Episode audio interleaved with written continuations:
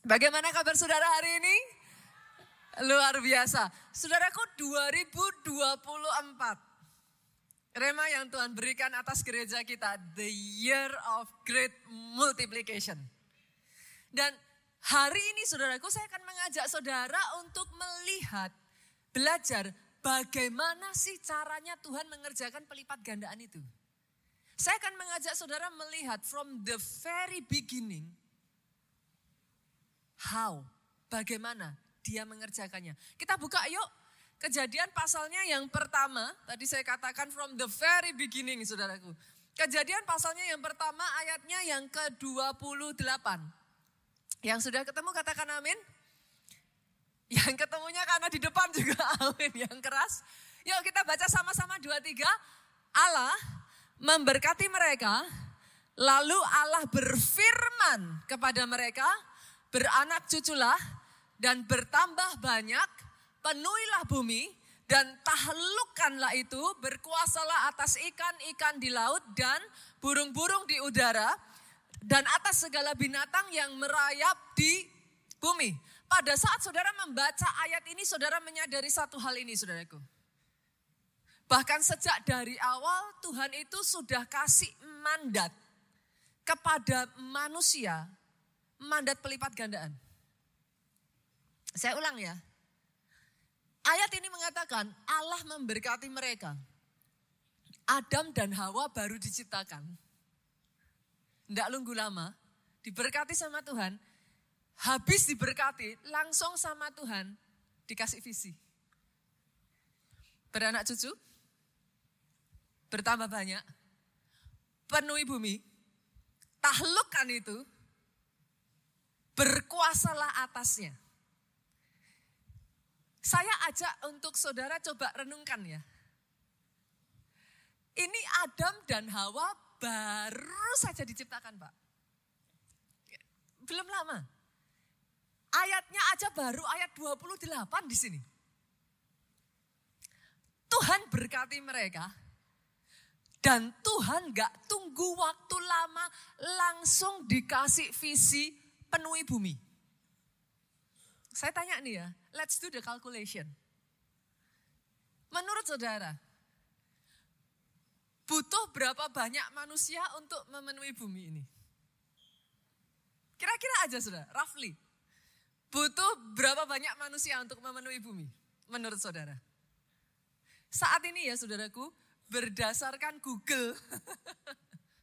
Saya kemarin sudah cari tahun 2023, data 2023. Penduduk di seluruh dunia saat ini sudah mencapai lebih dari 8 miliar. Yet dunia kita belum penuh, saudaraku. Dengan kata lain, Pastor, poinnya apa? Sejak dari awal mereka masih sedikit, baru ada dua orang. Dengan dua orang itu, Tuhan langsung kasih visi miliaran.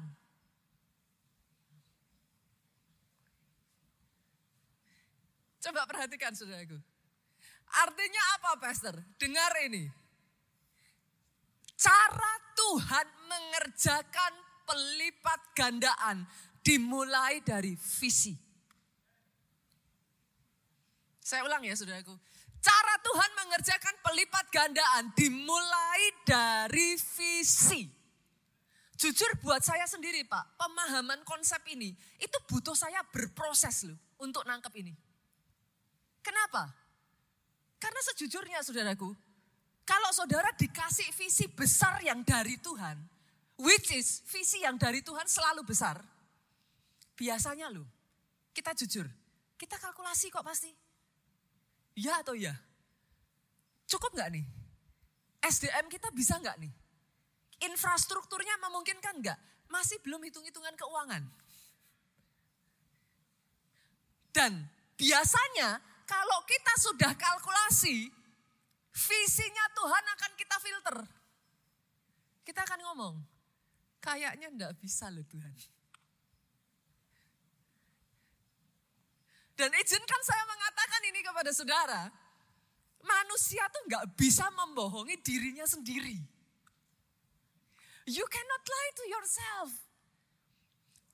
Bagaimana saudara bisa go for it kalau saudara not even on it? Bagaimana saudara bisa mengejar satu visi kalau dalam hatimu saja engkau nggak yakin engkau bisa?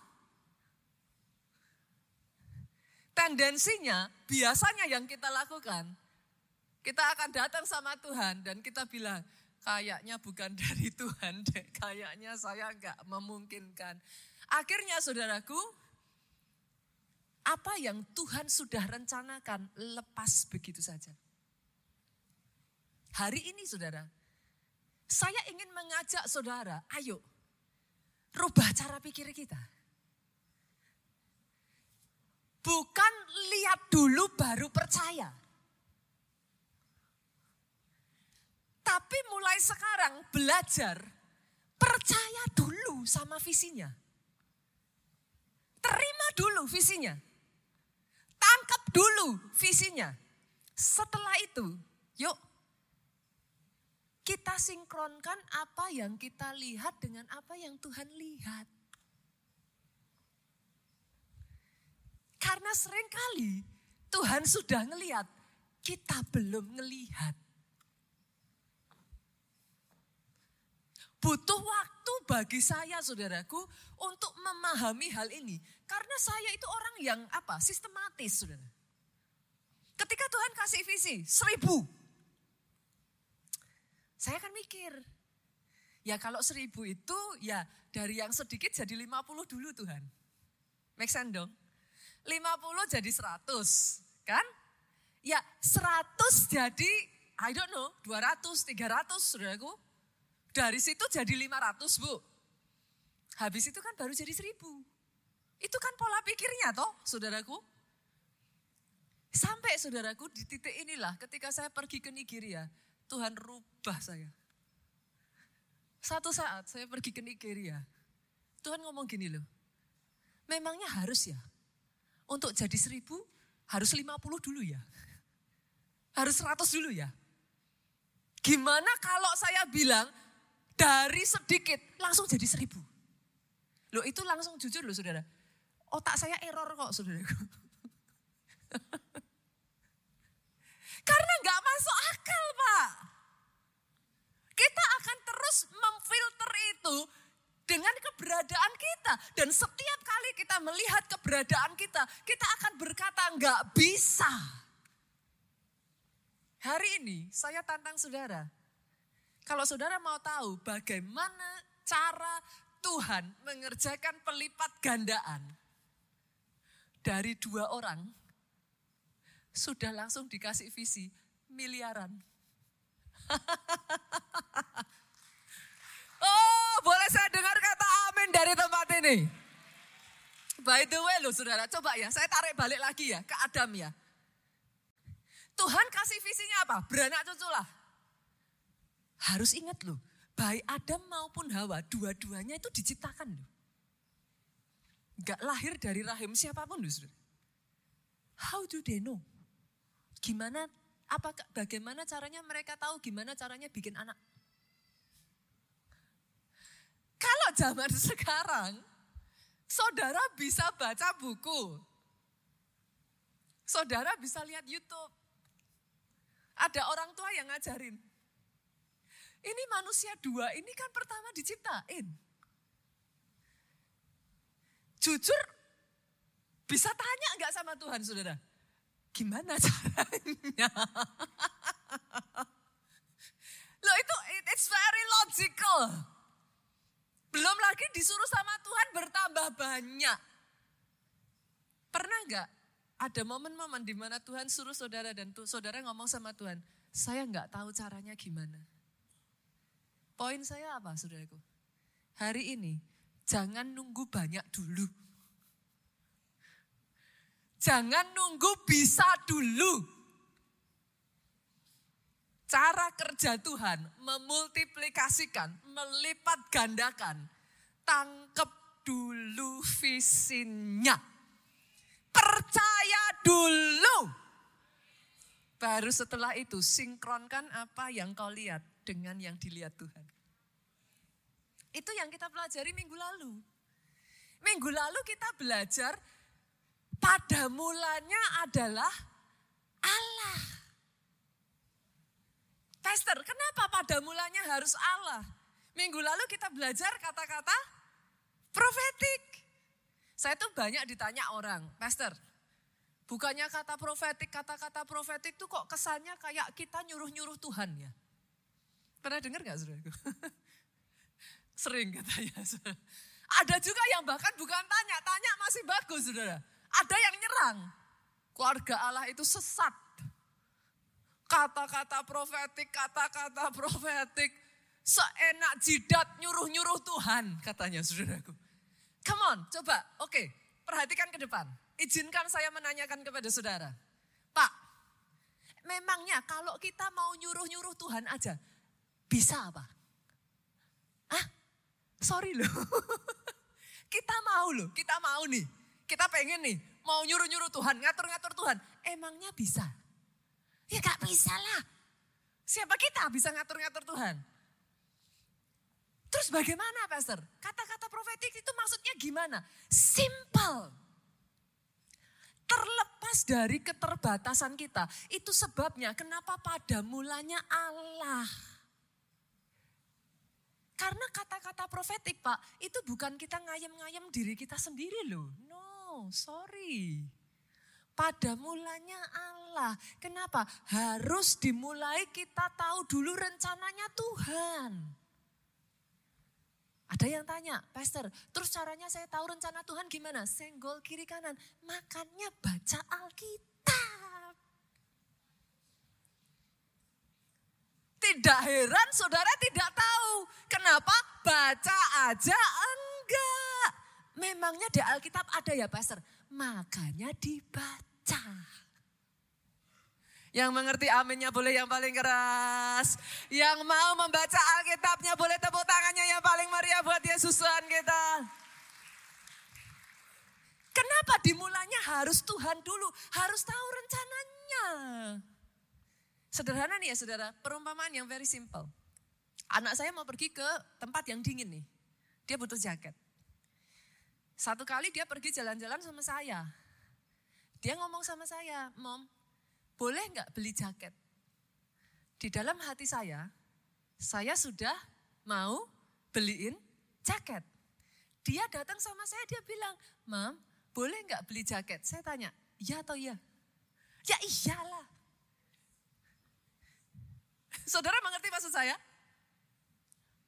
Kalau saudara meminta sesuatu yang adalah rencananya Tuhan, nggak mungkin ditolak. Itu sebabnya dasarnya harus firman. Kata-kata profetik itu sesederhana gini saudaraku. Tuhan punya rencana tuh. Tuhan punya visi. Kita sadar diri. Kita nggak mampu. Tapi karena kita tahu itu visinya Tuhan, kita agreeing with Him. Terlepas dari keterbatasan kita, terlepas dari kita sadar kita nggak bisa, kita sepakat dengan Dia, kita memperkatakan apa yang jadi rencananya. Kenapa perkataan profetik jadi berkuasa saudaraku? Lah ya itu memang maunya Tuhan. Ketika saudara memperkatakan itu, terlepas dari kau sadar engkau sebenarnya nggak bisa, dia melihat imanmu bekerja. Eh, itu yang menggerakkan hatinya Tuhan. Itu sebabnya kenapa perkataan profetik jadi berkuasa saudaraku. Bukan kita manusia nyuruh-nyuruh Tuhan. Mau aja nggak bisa. Gimana caranya? Nggak bisa saudaraku. Itu hanya bisa terjadi ketika engkau in agreement with him. Yes, kita nggak mampu. Yes, kita terbatas. Tapi itu yang Tuhan katakan. Dengan keterbatasan yang ada kita berkata, kita katakan sepakat. Kita berkata terjadi Tuhan. dia mengerjakannya. Kenapa? Karena memang itulah rencananya atas hidupmu, hidupmu, hidupmu. Boleh saya dengar tepuk tangannya yang paling meriah buat Yesus Tuhan kita. Jadi, saudaraku, atas kehidupan saudara. Bahkan kadangkala ya saudara ketika Tuhan kasih satu, simpel saudara, satu jiwa diselamatkan, seisi keluarga diselamatkan. Lah kalau saudara tanya sama saya, caranya gimana pastor? Saya bantu jawab saudara, saya juga nggak tahu. Loh itu bukan urusan kita. Bukan urusannya Adam dan Hawa, gimana caranya. Urusan Adam dan Hawa sepakat dengan visi yang Tuhan berikan. Nanti saudaraku, minggu lalu kita belajar kan, berdoa sama dengan bekerja dalam roh. Kalau saudara kerja secara jasmani, maka saudara menghasilkan produk secara jasmani yang bisa saudara ukur. Sepakat dong? Sepakat. Kalau saudara bekerja secara roh terus menghasilkannya apa? Banyak orang tidak bisa melihat doa adalah bekerja dalam roh karena nggak lihat hasilnya. Kenapa? Karena sesuatu yang dari roh tidak bisa dilihat langsung oleh mata. Tapi tiba-tiba muncul kesaksian, Pastor, apa yang saya kerjakan 10 tahun, harus kerja keras 10 tahun, Tuhan kerjakan percepatan dalam satu tahun ini yang 10 tahun sudah terlampaui. Itu apa saudaraku? Tiba-tiba terobosan terjadi. Tiba-tiba percepatan terjadi. Pintu-pintu yang tadinya tertutup satu demi satu, demi satu, demi satu terbuka. Itu apa? Itu sebabnya saya katakan, kalau saudara hanya bekerja secara jasmani, it can only do as much. No. Bagi seorang petani, nggak gampang loh memahami. Tiba-tiba saudara bilang nih ya, saudara duduk di depan komputer nih ya, saudara ketak ketik ketik ketik kayak gitu, terus saudara bilang, oh saya sudah kerja keras. Itu petani bingung loh saudara. Apalagi habis saudara ketik ketik ketik ketik ketik hanya di depan laptop, terus saudara bilang, capek. Itu petani akan tertawa keras dan ngomong sama saudara, yang namanya capek, ambil cangkul tuh itu baru capek. Saudara ngerti yang saya maksudkan? Bagaimana mungkin saudara doa, saudara bahasa roh, saudara nyembah, terus saudara bilang, wah ini peperangan roh, ini capek. Saudara ngerti maksud saya? Saudara ngerti maksud saya? Itu sebabnya berdoa adalah bekerja dalam roh. Dan izinkan saya mengatakan ini, Saudara nggak bisa dong sama-sama saudara kerja, kan ya. Semutnya kita. Hari ini saya pengen buka warung. Ya sudah warungnya tak buka. Ya toh? Selasa saya males, saya capek. Seharian sibuk saya. Sampai malam, wah urusannya padat banyak. Saya nggak buka warung. Rabu juga sama, saudaraku. Wah, Rabu itu dari pagi. Wah, ngurus ini, ngurus itu, ngurus ah, udah puyeng-puyeng, pusing-pusing, udah capek, capek, capek. Saya nggak buka warung lagi. Hari Kamis merasa bersalah. Ya, Selasa Rebu nggak buka warung nih. Kamis bukalah warungnya. Saudara boleh ketawa ya, tapi banyak orang kalau itu kerja secara fisik seperti itu, mau kapan suksesnya? Tapi kenyataannya saudara bekerja dalam roh, caranya kayak gitu. Senin kerja, uh, Selasa, oh, coba, coba. Kerjanya berhenti, warungnya nggak dibuka. Rubo, coba, coba. Kami seminggu capek. Warungnya nggak dibuka, buka minggu depan. Saya tanya, bisa sukses nggak kerja macam begitu? Istri-istri, halo, kalau suaminya kerja macam begitu, saudara bilang, bagus, lanjutkan, gitu. Banyak orang ngerti cara kerja secara jasmani, tapi nggak ngerti cara kerja secara roh. Saya berdoa ya hari ini, kalau itu saudara bisa tangkap ya. Rubah cara doamu. Doa nggak Senin Kamis Bapak Ibu, maaf saudaraku. Kalau saudara mengerti bahwa berdoa itu bekerja di dalam roh, every single day. Bisa nggak sekarang saya tanya ya, saudara kerja di perusahaan nih ya, saudara datang nih, baru 10 menit terus saudara bilang capek, pulang. Bisa? Kalau kalau nggak dipecat cepet itu saudara. Tapi banyak orang tuh doanya begitu.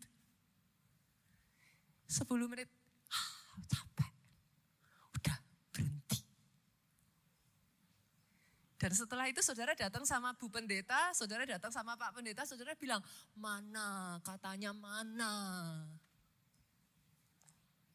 Saudara nangkep yang saya maksudkan?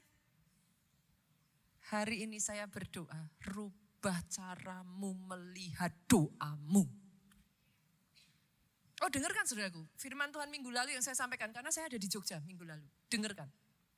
Karena saya percaya kalau saudara mengerti cara bekerja yang benar, tidak heran dalam hidupmu tiba-tiba, oh kerja fisik harus saudara. Saudara tetap kerja, apa yang ada di tangan saudara kerjakan. Tetapi jangan mau hanya kerja secara jasmani. Karena terbatas. Kerjakan dalam roh. Apa yang tidak bisa jasmani lakukan, percepatan, terobosan, pintu-pintu terbuka. Semua terjadi dalam alam roh. Oh yes. Kita balik lagi ya saudara. Saya tarik dari yang minggu lalu tuh ini. Saya tarik balik lagi nih. Semuanya dimulai dari visi. Tangkap dulu visinya. Pastor, kenapa perlu visi? Kenapa harus visi? Yuk, Amsal 29 ayatnya yang ke-18 kita lihat. Amsal 29 ayat 18. Bila tidak ada wahyu, menjadi liarlah rakyat. Dalam terjemahan bahasa Inggris, King James Versionnya saudaraku, dikatakan where there is no vision. Jadi kata wahyu, itu vision. Where there is no vision. Kalau tidak ada visi, menjadi liarlah rakyat. Maksudnya gimana pastor? Sederhana. Kalau saudara nggak punya visi dalam hidup saudara, maka jangan heran saudaraku, ya saudara bisa lakukan, lakukan suka-suka saudara kan. Mau bergaul sama siapa kan suka-suka saudara. Mau minum obat-obatan lah, saudara mau mabuk-mabukan lah, saudara mau hidup uh, seperti apalah, suka-suka saudara karena nggak ada visi. But there is no vision. Kalau saudara nggak punya visi, bahkan ya saudara bisa gunakan waktu saudara kan suka-suka atau pagi bangun tidurku terus tidur itu juga bisa saudaraku. Kan suka-suka, nggak ada visi kok. Hari itu nggak ada yang harus saudara selesaikan kok. Kalau nggak ada visi, saudara pakai uang saudara juga suka-suka. Saudara mengerti yang saya maksudkan? Itu sebabnya firman Tuhan bahkan ngomongnya where there is no vision, bukan hanya umatku liar. The people perish. Umatku hancur. Umatku binasa. Kenapa saudara? Ketika saudara punya visi, nih katakan ya, simple ya, visi sederhana aja bu. Saya mau punya rumah tahun ini. Jalan-jalan di mall, sale, sale, sale gitu kan. Tapi saudara sudah punya visi. Saya mau punya rumah tahun ini. Saudara lihat sale, sale, sale nangis, tapi saudara bisa ikat pinggang. Saudara bilang, no, aku mau punya rumah tahun ini. Bisa nangkap ya Bapak Ibu ya. Tapi kalau saudara nggak punya visi, Kan saudara punya uang tuh. Ih, sale-sale. Uh, branded saudaraku. Wah, seru nih. Lah nggak ada visi kok. Buy, buy. Semuanya buy me, buy me, buy me. Kan buy, buy, buy, buy, buy. Akhirnya hidupnya liar toh saudaraku. Kacau toh. Itu sebabnya dikatakan, where there is no vision. Ketika tidak ada visi, umatku binasa. Hari ini ya saudaraku, a little simple thing. Tangkap visi yang dari Tuhan dulu 2024. Saya berdoa ya saudara, 2024 kalau Tuhan katakan this is the year of multiplication. Akan ada sebagian dari saudara berkata, pastor tapi saya pastor, kondisi saya pastor. Tapi hari ini saya tantang saudara-saudara berani berkata kalau itu visi yang dari Tuhan. Yes, sir. Aku tangkap. Dijadikan atas kehidupanku. Nah, tadi kita sudah belajar ya, Bapak Ibu ya. Kita sudah belajar gimana cara Tuhan menjadikan visi. Kan gitu. Gimana cara Tuhan mengerjakan pelipat gandaan. Starting with visi. Dimulai dari visi. Nah, setelah ini saya akan mengajak saudara gantian ngeliat bagaimana Tuhan mengerjakan visi itu dalam kehidupan Nehemia. Dari situ kita akan belajar. Kita buka dulu ya saudaraku. Kita lihat di dalam Nehemia Nehemia pasal yang kedua ayatnya yang pertama sampai ayatnya yang keenam. Dimulainya seperti apa tuh dalam kehidupan Nehemia itu. Saya baca ayat satu, boleh kita bergantian ayat dua saudara baca sampai ayat enam kita bergantian. Pada bulan Nisan, tahun ke-20 pemerintahan Raja Artasasta. Ketika menjadi tugasku Nehemia ya saudaraku, untuk menyediakan anggur Nah berarti dari sini kita tahu Nehemia ini juru minuman raja, saudaraku. Aku mengangkat anggur dan menyampaikannya kepada raja. Karena aku kelihatan sedih yang memang belum pernah terjadi di hadapan raja. Bertanyalah ia kepadaku, mengapa mukaku muram? Walaupun engkau tidak sakit. Engkau tentu sedih hati sama-sama yuk kita baca dua tiga. Lalu aku menjadi sangat kok takut kenapa Bapak Ibu? Jadi di zaman itu nah makanya saudaraku kalau baca Alkitab tuh jangan cepet-cepet. Kayak sapi itu loh Bapak Ibu. Saya sering ngomong ya. Saudara pernah nggak lihat sapi? Gak gitu pernah nggak saudara? saudara kalau lihat sapi makan tuh ya. Hmm. Hmm. Itu cara sapi makan, saudara. Dikunyah, pelan-pelan, ditelan, dicerna. Kenapa kok bisa Nehemia takut? Bahkan bukan cuma takut, ditulis apa? Sangat takut. Kenapa saudaraku? Karena di zaman itu ada peraturan kalau orang-orang yang bekerja di sekeliling raja itu nggak boleh mukanya muram. Kenapa? Dipercaya kalau orang dekatnya raja pada muram, pada gloomy pak, itu merusak moodnya raja. Hari itu raja bisa uring-uringan tuh. Nah, kalau sampai ada orang yang bekerja di dekat raja dan muram, hukumannya mati. Jadi saudara sekarang tahu ya, kenapa kok si Nehemia setakut itu. Dia harus menjelaskan, dia harus punya penjelasan yang masuk akal, yang bisa diterima, yang mengizinkan dia mukanya muram. Nah yuk kita buka ya, ayat 3. Saya bacakan buat saudara, nanti ayat 4. Saudara ikut sama-sama baca. Jawabku kepada raja, hiduplah raja untuk selamanya. Bagaimana mukaku tidak akan muram? Kalau kota, tempat pekuburan nenek moyangku telah menjadi reruntuhan. Nah, Yeremia jelasin saudaraku. Pintu-pintu gerbangnya habis dimakan api. Nah, Yeremia ngomong, gimana aku nggak sedih? Aku tuh sudah nggak punya kampung halaman lagi.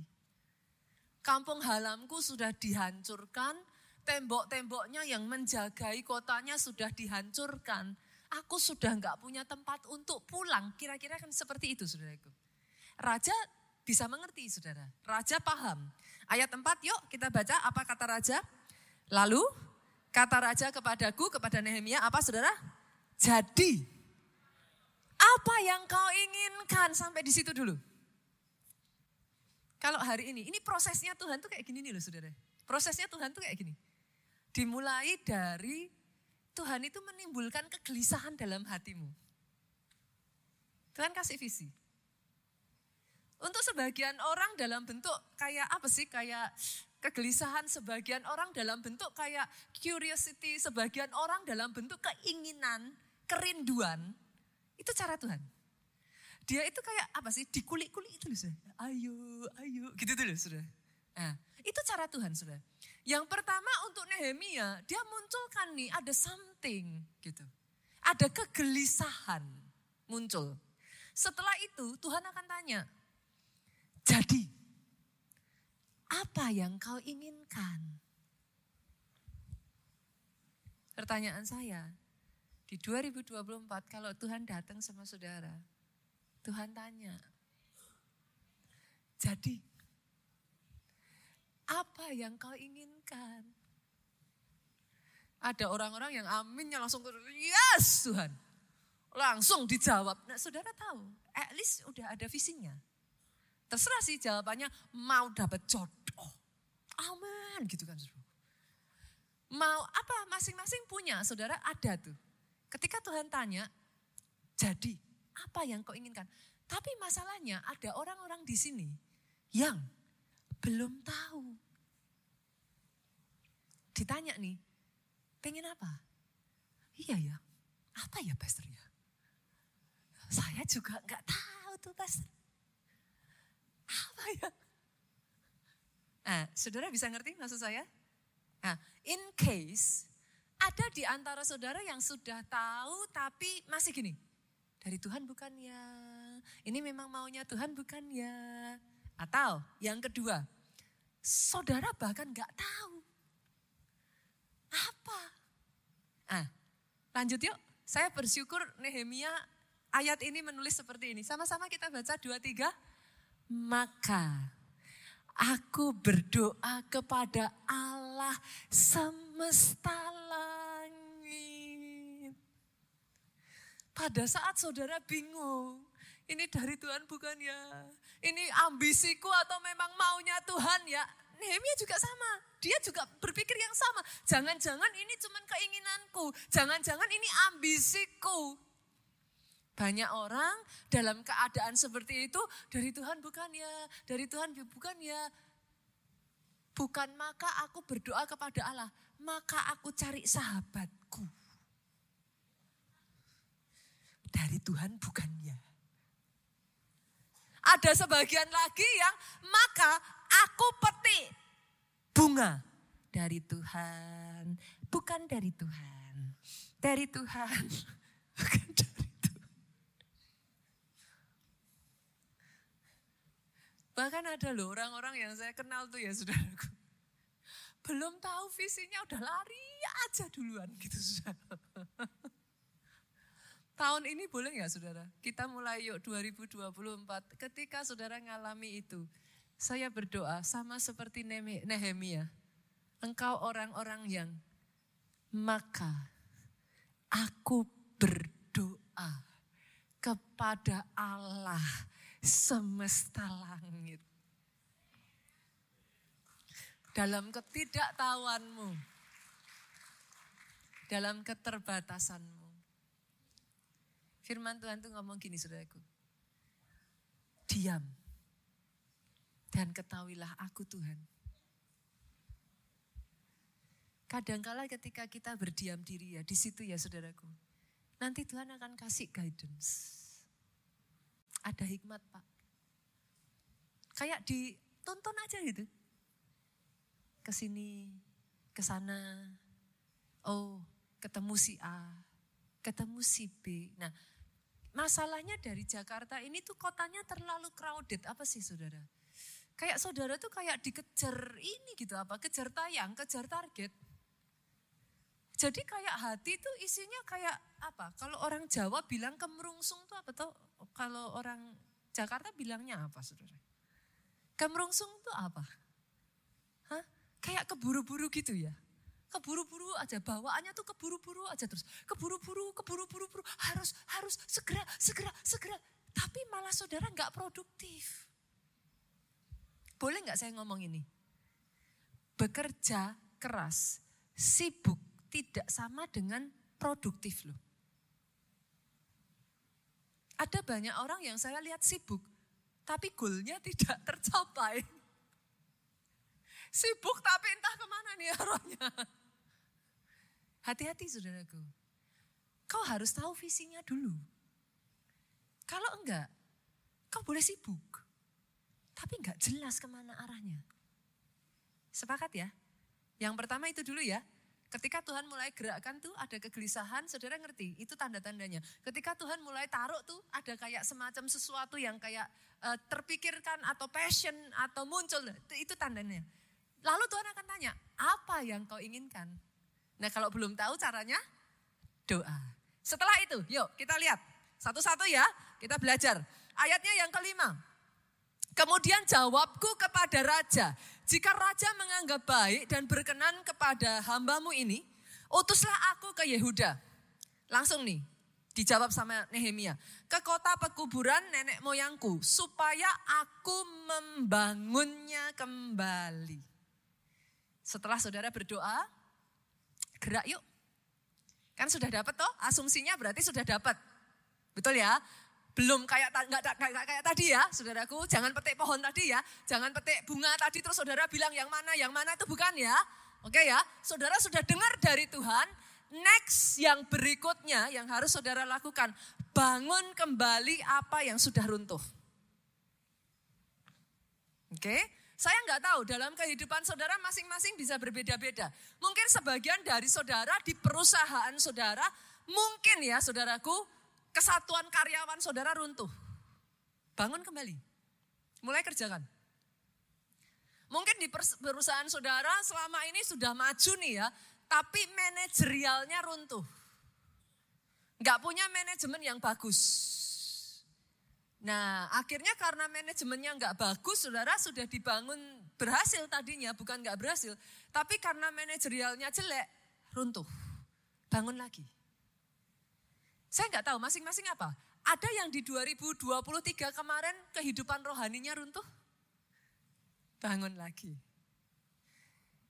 Karena orang Jakarta tuh siapa tahu yang nggak sibuk saudara. Semua orang bilang dia sibuk kok. Yang mengerti katakan amin. Sibuk gak sibuk, setuju gak dengan saya? Sibuk gak sibuk is a matter of priority. Saudara sibuk-sibuk-sibuk nih ya, sibuk-sibuk-sibuk di telepon Pak Presiden. Bisa nggak ketemu saat ini? Lah kok bisa? Katanya sibuk. Nah, saudara bisa mengerti maksud saya? It's a matter of priority. Kalau saudara bisa memahami doa itu saudara ketemu dengan raja di atas segala raja. Saya jamin saudara bisa. Karena kadang kita nggak sadar aja toh. Kita ngeremehin tuh. Doa kita bilang apa? Kayak orang nganggur aja. It's a matter of priority. Doa saya saudara bisa melihat doamu. Engkau berjumpa dengan Raja di atas segala Raja yang menentukan nasib masa depan hidupmu. Oh kalau mau tepuk tangan, tepuk tangan yang paling meriah buat Yesusan kita. Bangun kembali apa yang sudah runtuh. Setelah itu yuk kita lanjutkan ayatnya yang ke-6. Baca sama-sama boleh Bapak Ibu dua tiga. Lalu bertanyalah raja kepadaku sedang Permaisuri duduk di sampingnya. Bertanya apa saudara? Berapa lama sih engkau dalam perjalanan? Dan bilakah, kapan engkau kembali? Raja berkenan mengutus aku sesudah aku menyebut suatu jangka waktu tertentu. Artinya apa saudara? Visi punya dudit. Visi itu gak bisa. Gak bisa saudara, kapan-kapan. Itu gak bisa saudara harus tetapkan duditnya. Katakan ya, satu tahun ini ya saudaraku, saudara taruh. Oke, dalam tahun ini saya harus menyelesaikan ini. Menyelesaikan ini. Menyelesaikan ini. Taruh. Itu visi saudara. Pastor, memangnya kenapa tuh kok kalau saya nggak punya visi? Saudara, izinkan saya menceritakan dua cerita yang bertolak belakang satu dengan yang lain. Yang pertama kita belajar dari satu keluarga terkaya yang pernah hidup di Amerika, saudara. Namanya adalah keluarga Vanderbilt. Ini keluarga kayanya minta ampun, saudaraku. Bahkan di zamannya itu bukan hanya dia kaya di Amerika, paling kaya di Amerika, tetapi di zamannya dia itu paling kaya di dunia, saudara. Keluarga ini. Nah, keturunan pertama, generasi pertamanya itu begitu luar biasa karena punya visi. Dia merintis dari nol, dibangun, dibangun, dibangun karena punya visi. Dia tahu kapan dia seno, dia tahu penggunaan keuangan yang baik, dia tahu. Jadi dia bangun sampai akhirnya keluarga ini jadi kaya. Turun ke generasi kedua. Di generasi kedua ini saudaraku, masih lumayan lah saudara, dia melanjutkan visi generasi pertama. Tapi nggak seagresif generasi pertama, kan sering kali gitu ya. Turun ke generasi kedua masih nih, masih dikerjakan, masih luar biasa, masih uh, hebat, jadi dua kali lipat, which is good ya, saudaraku, which is good. Tapi itu belum ada inflasinya, apanya segala macam, jadi kan nggak sebesar itulah ekspansinya kayak gitu. Tapi turun ke generasi ketiga dan keempat. Nah, visinya beralih. Yang tadinya membangun perusahaan, yang tadinya memperjuangkan, sekarang visinya menikmati. Mereka justru berlomba pesta siapa yang paling besar. Bahkan yang paling mengerikan saudaraku, mereka tuh mengadakan satu lomba. Mereka gila saudara. Orang-orang ini pesta ya orang lihat itu kayak uh. Mereka berlomba rumahnya siapa yang paling gede. Saya tanya boleh saudara. Kira-kira loh. Menurut saudara di Jakarta ini rumah luasnya 3000 meter udah besar belum? Besar ya Pak? Besar keluarga ini membangun rumah yang besarnya 30 ribu hektar.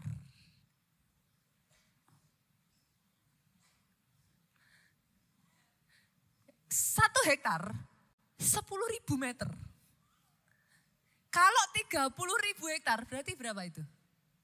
Hah? 300 juta meter. Itu nggak mikir saudara, kebunnya aja ngerawatnya habis berapa? Dalam satu rumah mereka itu, di dalam kompleks 30 ribu hektar itu, 250 bisa menampung 250 kayak villa gitu sudah.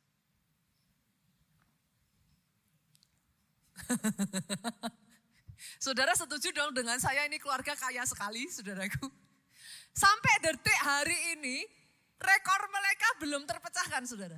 Ini masih menjadi rumah terbesar di dunia. Sampai detik hari ini. Tetapi bukan itu poin saya. Saya ingin memukau saudara dengan kekayaan yang luar biasa tadi. Tapi apa poin saya? Tahun 1973, keluarga mereka berkumpul dan mereka mengadakan reuni keluarga. Tapi sayangnya saudaraku, tidak satu pun dari keluarga ini yang pada saat mereka mengadakan reuni di 1973 itu yang masih ada dalam posisi sebagai seorang miliarder. Ngeri ya? Ngeri ya saudara? Hancur. Tanpa visi, umatku binasa. Nah, saya kasih perumpamaan yang kedua yang lebih kontras, Bu. Saya mau menceritakan tentang seekor binatang yang rentang waktu hidupnya paling pendek di dunia. Ada yang tahu apa? Apa? Hah? Boleh dimunculkan media. Inilah dia. Deng, deng, deng, deng. Nah, lalat capung. Dia adalah binatang dengan rentang hidup paling pendek di dunia. Dia hanya hidup 24 jam, Pak. Oke ya? Nah, hanya hidup 24 jam. Katakanlah saudara jengkel sama dia, nggak susah-susah, nggak usah saudara pencet, nggak usah saudara injak, dibiarin aja. Sehari, bye-bye, gitu saudaraku. Karena dia hanya bisa hidup 24 jam. Dengan rentang waktu hidup yang hanya 24 jam, menurut saudara, dia bisa eksis bertahan sampai lama enggak saudara? Enggak ya? Banyak yang bilang enggak ya? Hmm. Kenyataannya, hewan ini dikatakan termasuk hewan yang paling tua di dunia. Dia sudah ada dari zaman dinosaurus. lah kok bisa? Lah tadi keluarga Vanderbilt kayak begitu. Lah ini kok si lalat capung kok bisa bertahan lintas abad sekian jauhnya saudaraku. Kok bisa? Karena si lalat capung ini hewan yang punya visi. Dia hidup hanya untuk satu visi, saudara. Visinya apa? Bereproduksi. Jadi jantannya kalau kawin dengan betinanya hitungan lima menit mati. Tapi dia mati untuk menelurkan 500 sampai 1000 anak. Jadinya begini. Coba boleh dimunculkan multimedia? Teng teng. Jadi saudaraku, sekalipun dia hewan yang kecil, sekalipun dia hanya punya rentang hidup satu hari 24 jam, sekalipun dia punya banyak keterbatasan, tapi dia punya determinasi yang sangat tinggi, visinya jelas. Beranak cuculah bertambah banyak. Itu visinya dia. Alhasil dari zaman dinosaurus sampai hari ini dia masih eksis Pak. Saudara bisa nangkep yang saya maksudkan ini? Boleh ya saudaraku? Bagaimana kalau si lalat capung gak punya visi? Terus dia bilang, ah hari ini saya mau terbang-terbang, ah main ke mall. Lah dia nggak punya visi. Hari ini saya mau arisan dulu. Saudara bisa bayangkan, ini udah punah dari zaman bahala, saudara. Saudara bisa melihat the power of vision. Hmm. Itulah cara kerja visi yang Tuhan kerjakan lewat Nehemia. That is the power of vision. Saya akan berikan kepada saudara tiga kekuatan, tiga power dari visi saudaraku. Yang pertama, visi akan membuat saudara berani.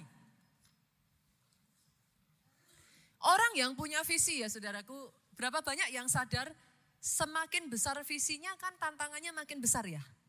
Nah, kalau gitu kok kita tetap bisa kuat pak? Visi. Visi itu membuat saudara itu punya kayak determination, saudara. Saudara punya ketetapan dalam hati. Tanpa visi ya, jujur, kita manusia itu lebih suka zona nyaman. Itu sebabnya, dengar ini baik-baik saudara. Tuhan memberikan visi. Pastor itu kan buat orang yang masih belum apa-apa. Ya harus begitulah. Kalau belum apa-apa ya harus kerja keras. Salah. Tuhan memberikan visi itu kepada Adam dan Hawa. Pak, mereka itu ditempatkannya di Taman Eden loh. Kurang apa? Mau apa-apa tinggal ambil kok. Butuh apa lagi? Manusia belum jatuh dalam dosa, ada dalam kemuliaan Tuhan, gak kurang apa-apa. Tapi Mau saudara masih kecil, mau saudara sudah besar. Mau saudara belum apa-apa, mau saudara sudah kaya raya. Dengar ini baik-baik saudaraku. Tuhanmu selalu punya visi yang lebih besar atas hidupmu.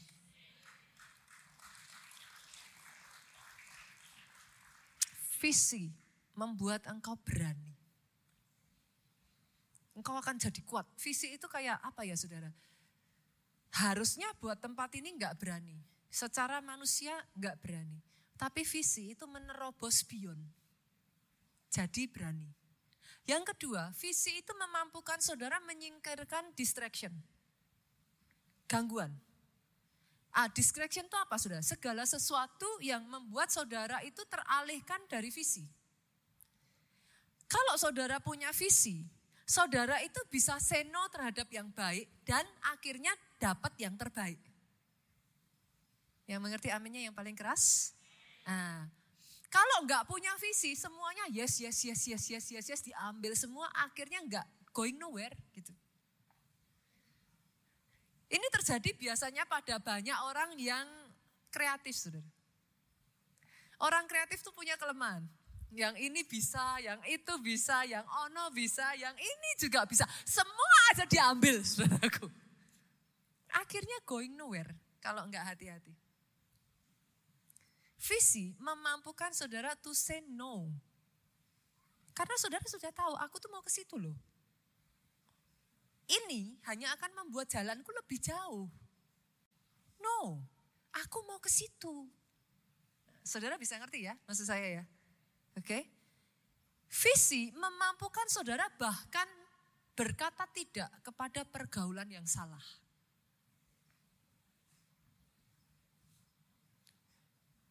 Saudara punya visi jadi orang yang sukses, orang yang besar. Jangan bergaul dengan orang-orang yang punya pemikiran kecil. Setiap kali ketemu nggak bisa. Udahlah hidup nggak usah aneh-aneh. Udah cari gara-gara. Nikmati aja. Nggak bisa sudah. Kalau saudara tahu bahwa visi yang saudara raih itu nantinya ke depan akan besar ke arah mana, saudara harus bisa ber, ber, ber, bergaul dengan semua orang boleh. Tapi kalau itu saudara jadikan lingkaran dalam saudara, gak boleh. Visi memampukan saudara to say no. Nehemia juga sama. Yuk, saya kasih bukti ya saudara. Nehemia 6 ayat 2 sampai 3. Nehemia itu berusaha dialihkan saudaraku. Maka Sanbalat dan Geshem mengutus orang kepadaku, kepada Nehemia dengan pesan. Mari kita mengadakan pertemuan bersama di Kefirim di lembah Ono. Sama toh ada nggak orang-orang ya, ayo kumpul-kumpul, ayo ini, ayo itu, gitu kan? Nah, dijawab apa? Sama Nehemia. Nehemia udah tahu sudah. Mereka berniat mencelakakan aku. Ayat 3, aku mengirim utusan kepada mereka dengan balasan. Aku tengah melakukan suatu pekerjaan yang besar. Aku tidak bisa datang untuk apa pekerjaan ini terhenti oleh sebab aku meninggalkannya dan pergi kepada kamu. Harus berani ya Bapak Ibu ya. Harus berani ya. Nah, bergaul boleh dengan semua orang. Tapi hati-hati memilih teman lingkar dalam saudara. Gak semua orang bisa masuk saudaraku. Karena kalau saudara masukkan semuanya yang terjadi hidupmu pasti akan kacau. Ada orang-orang ya saudara sampai pada batas tertentu ya saudara. Itu akan membatasi saudara ya ya you can only go as much gitu. Pernah nggak ketemu orang yang ngomongnya kayak gini? Aku tuh sebenarnya pengen loh jadi ini. Wah aku pengen sekali nih. Tapi waktu aku selidiki ternyata uh, harus begini, harus begini. Wah nggak bisa. Terlalu muluk-muluk tapi nggak ada kerja nyatanya. Pernah ketemu yang begitu? Pernah ya, saudara? Nah, maafkan saya saudaraku. Tapi kalau saudara adalah orang yang punya visi, you cannot do that. You have to be determined. Saudara harus sadar, oke okay, aku mau ke sana, nggak bisa. Yang ini, yang ini nggak bisa. Harus, nggak bisa. You have to choose. Yang ketiga, yang terakhir, karena visi itu memungkinkan saudara menyingkirkan gangguan dengan sendirinya, visi mendatangkan percepatan atas hidupmu. Ini amazing sekali saudara. Kita buka ya Nehemia pasalnya yang ke-6, ayatnya yang ke-15 sampai 16. Ini ajaib sekali. Maka selesailah tembok itu pada tanggal 25 bulan Elul. Lucu sekali ya saudara, bulan Elul. Dalam waktu 52 hari. Ketika semua musuh kami mendengar hal itu, takutlah semua bangsa sekeliling kami. Mereka sangat kehilangan muka dan menjadi sadar bahwa pekerjaan itu dilaksanakan dengan bantuan Allah kami. Ada orang sama-sama ngerjain pekerjaan di lama, lamain kalau bisa lama, kenapa cepet gitu Orang yang punya visi. Kalau bisa cepet, kenapa lama? Selesain, selesain, selesain, selesain, selesain. Ada orang-orang karena nggak punya visi, sukanya menunda-nunda, sudah. Procrastinate. Nanti dulu, nanti dulu, nanti dulu.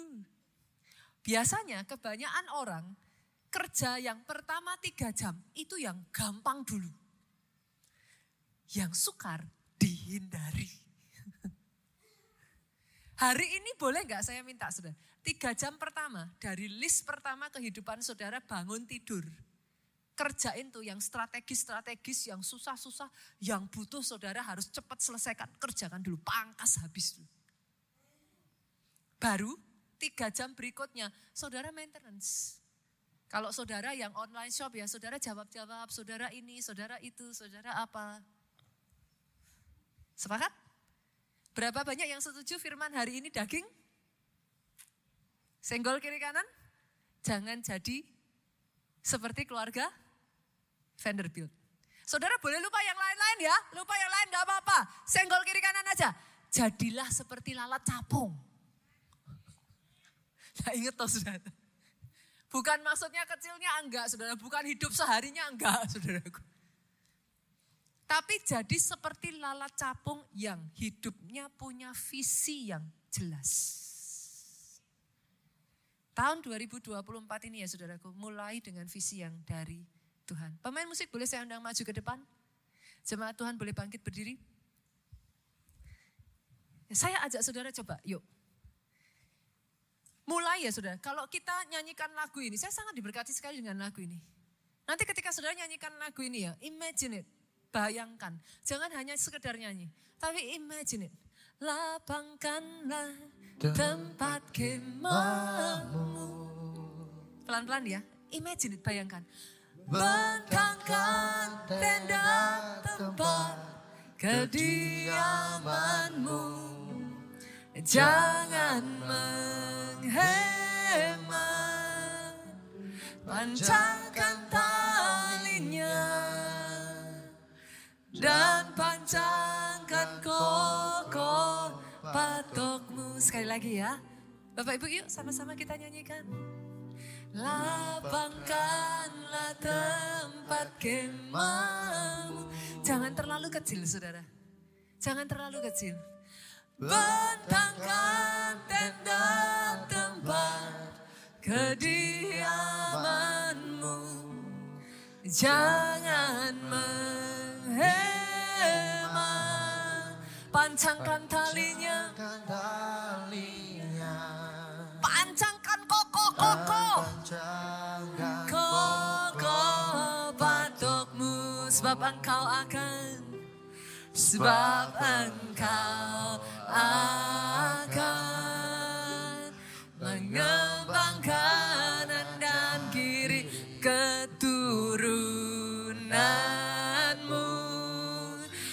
akan meroleh bangsa-bangsa dan mendiami kota-kota sunyi. Katakan saudaraku, aku pada firmanmu. Yang kecil akan dibuat menjadi besar, saudara. Oh, yes.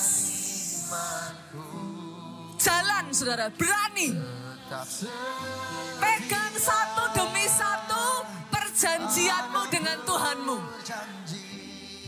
Yanmu, jadikan ku hamba milikmu. Sama-sama katakan yo, aku percaya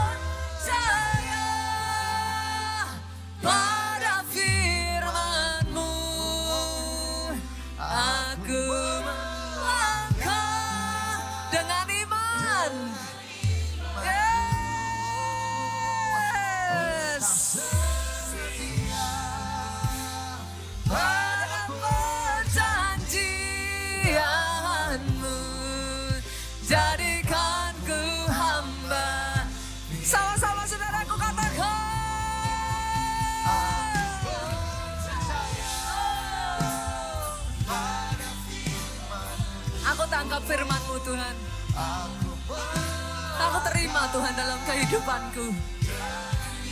The year of great multiplication. Tahun melipat gandaan dahsyat. Ajar aku Tuhan setia. Berpegang pada perjanjianmu. Jadikan ku hamba milik. Katakan tetap setia saudaraku. Tetap setia. Jangan berubah setia saudara. Tapi terus. Terus kerjakan bagianmu.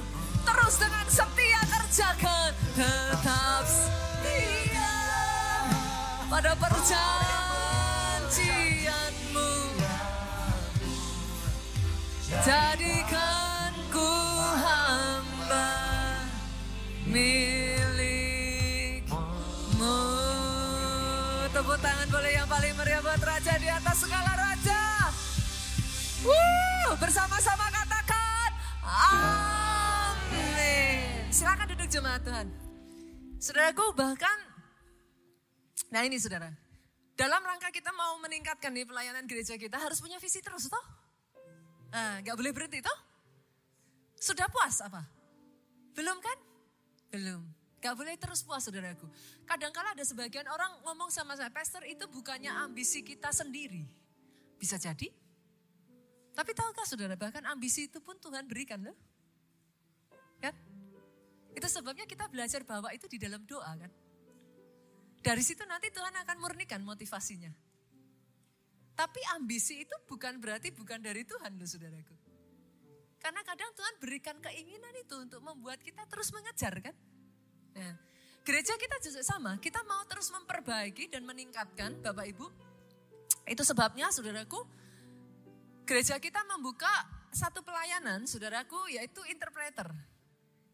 Di PIK ini saudara banyak yang kepingin datang tapi nggak bisa bahasa Indonesia.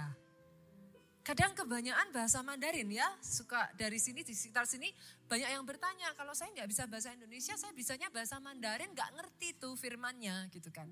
Ada juga sebagian yang ngomong saya bisanya bahasa Inggris gitu. Nah bisa nggak? Nah kita akan buka pelayanan ini saudaraku.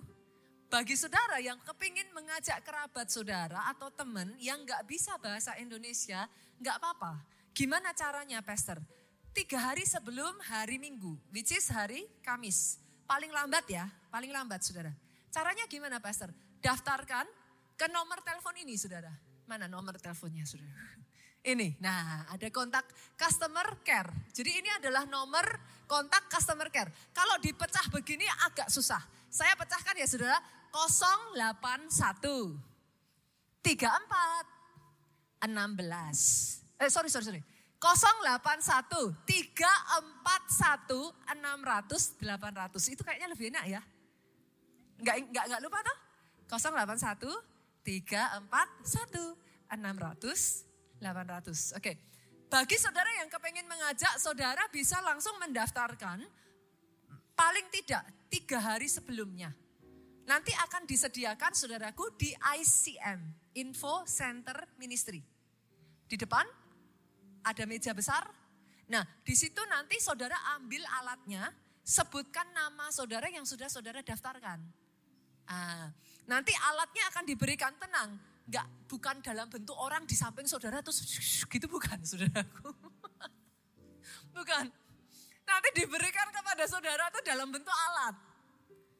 Oke, nanti dipasang ada penerjemah kita. Kali ini baru bisa dua bahasa ya Bapak Ibu. Oke, bahasa apa?